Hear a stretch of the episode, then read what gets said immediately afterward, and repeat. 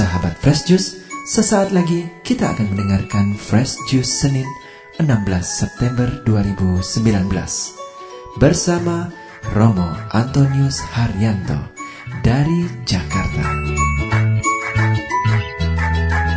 Semoga Fresh Juice yang kita dengarkan semakin menyejukkan dan menyegarkan jiwa kita.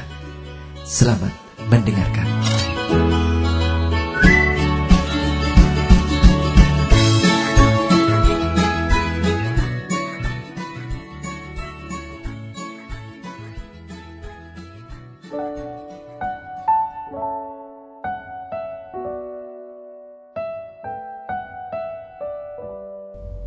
Teman-teman muda, saudara-saudari dan Bapak Ibu sekalian, apa kabarnya? Semoga Anda baik adanya, bersemangat menjalani hidup ini.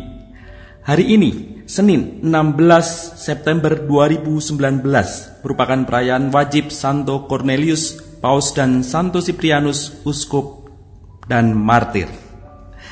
Hari ini permenungan kita diambil dari Injil Lukas, bab 7 ayat 1 sampai dengan 10. Setelah Yesus selesai berbicara di depan orang banyak, masuklah ia ke Kapernaum. Di situ ada seorang perwira yang mempunyai seorang hamba yang sangat dihargainya.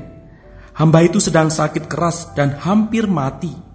Ketika perwira itu mendengar tentang Yesus, ia menyuruh beberapa orang tua-tua Yahudi kepadanya untuk meminta supaya ia datang dan menyembuhkan hambanya. Mereka datang kepada Yesus dan sangat mereka meminta pertolongannya katanya, ia layak engkau tolong, sebab ia mengasihi bangsa kita dan dialah yang menanggung pembangunan rumah ibadat kami. Lalu Yesus pergi bersama-sama dengan mereka. Ketika ia tidak jauh lagi di rumah perwira itu, perwira itu menyuruh sahabat-sahabatnya untuk mengatakan kepadanya, Tuan, janganlah bersusah-susah, sebab aku tidak layak menerima Tuhan di dalam rumahku. Sebab itu aku juga menganggap diriku tidak layak untuk datang kepadamu. Tetapi katakan saja sepatah kata, maka hambaku itu akan sembuh.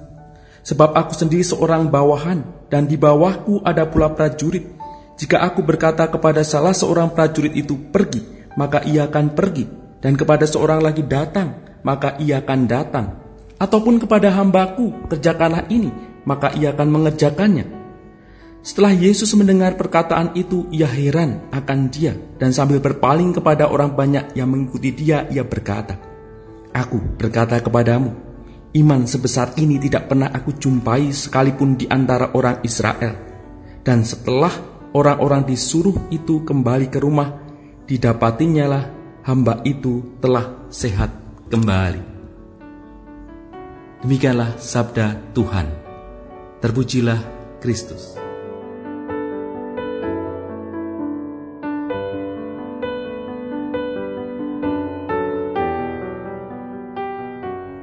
Teman-teman muda, saudari-saudara dan bapak ibu sekalian, satu semangat dengan Yesus yang selalu menemani saudari-saudara semua.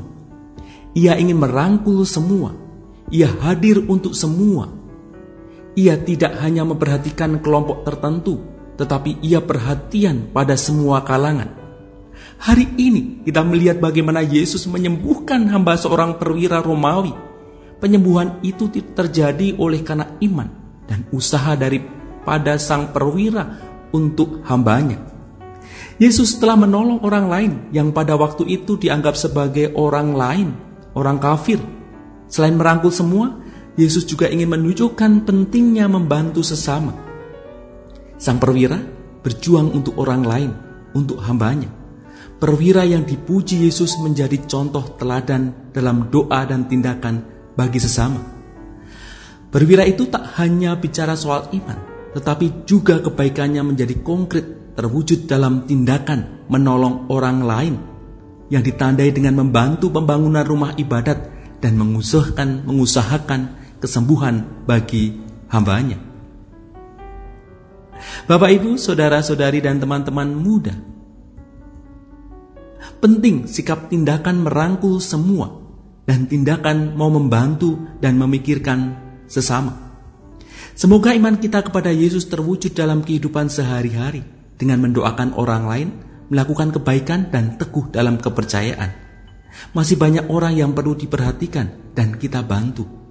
Paus Fransiskus dalam dokumen Apostolik Kristus Vivit nomor 74 mengungkapkan, lebih banyak lagi di dunia orang-orang muda yang menderita berbagai bentuk marginalisasi dan pengucilan sosial karena alasan-alasan agama, etnis, dan ekonomi.